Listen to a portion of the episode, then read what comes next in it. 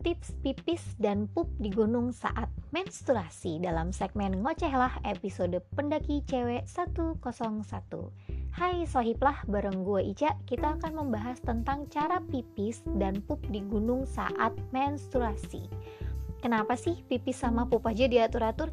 Hey, jangankan pas kita lagi menstruasi ya, saat kita nggak mensurasi atau bahkan cowok sekalipun harus berhati-hati kalau pipis. Yes, harus dilihat tempat dan permisi dulu. Permisinya sih sebenarnya cukup salam aja sih, kayak misalnya hmm, permisi saya mau numpang buang air kecil atau buang air besar semoga tidak mengganggu kamu ya dan kamu juga jangan ganggu saya permisi permisi terima kasih gitu atau ya kalau kamu punya salam permisi lainnya ya silakan aja Nah, uh, kita mulai dengan cara pipisnya. Ini biasa aja sih sebenarnya, kayak pipis perempuan pada umumnya aja. Kita cari semak-semak yang aman untuk pipis, pipis aja kayak biasa dan bersihinnya pun kayak biasa, dilap dengan tisu hingga bersih gitu. Nah, ingat ya, tisunya nggak boleh dibuang, harus dibawa pulang. Apalagi uh, kalau kamu lagi dapet di tisu itu memungkinkan ada uh, percikan darahnya gitu. Jadi tisunya sebaiknya dibawa pulang aja.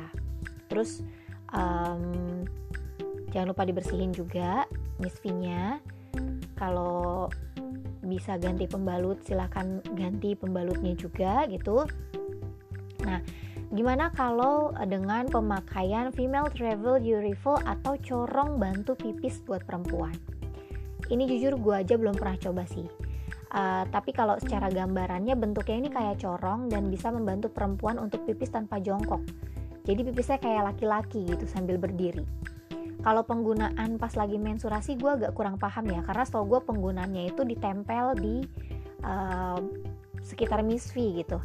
Tapi kalau bayangan gue karena kita kondisinya lagi mens uh, itu kan nanti corongnya itu akan terkena darah dan nggak menutup kemungkinan juga uh, jari tangan kita juga nanti akan kena darah gitu. Nah kalau kayak gitu sih ya udah bersihin aja dan dibilas pakai air supaya nggak ada penumpukan bakteri di corong portablenya. Oke, setelah kita pipis, baik itu pipis dengan jongkok atau dengan uh, corong portable itu, kita harus lihat uh, area tempat kita pipis tadi. Ada darah kental yang kayak daging gitu nggak? Kalau misalnya ada, kalau gue sih biasanya gue ambil terus gue bungkus pakai tisu dan itu gue bawa pulang lagi.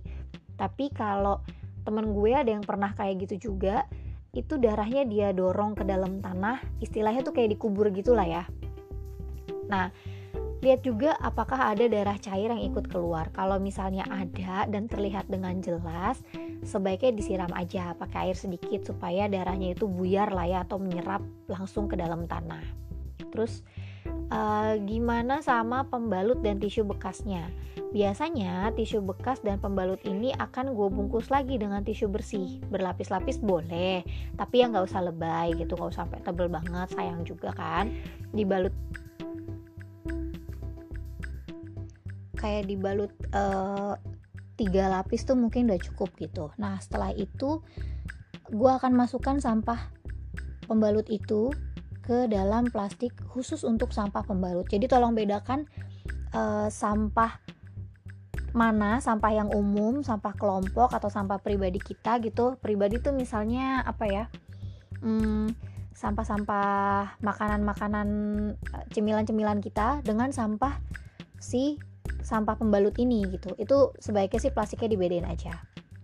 Karena untuk nanti si sampah pembalut ini khususnya ya akan kita masukkan ke dalam tas. Di bagian dalam nggak di bagian kanan kiri kantong. Nah setelah dimasukin ke dalam tas tadi uh, itu pastikan tempat penyimpanan itu nggak akan jatuh. Makanya tadi gue bilang harus masukin ke dalam tas. Karena kalau misalnya ditaruh di dalam di kanan kiri kantong tas itu ada kemungkinan jatuh di tengah jalan. Ya kan? Ini harus hati-hati ya karena kita ada di gunung. Nggak boleh buang-buang kayak gitu-gitu sembarangan nah terus gimana sih sama pupnya?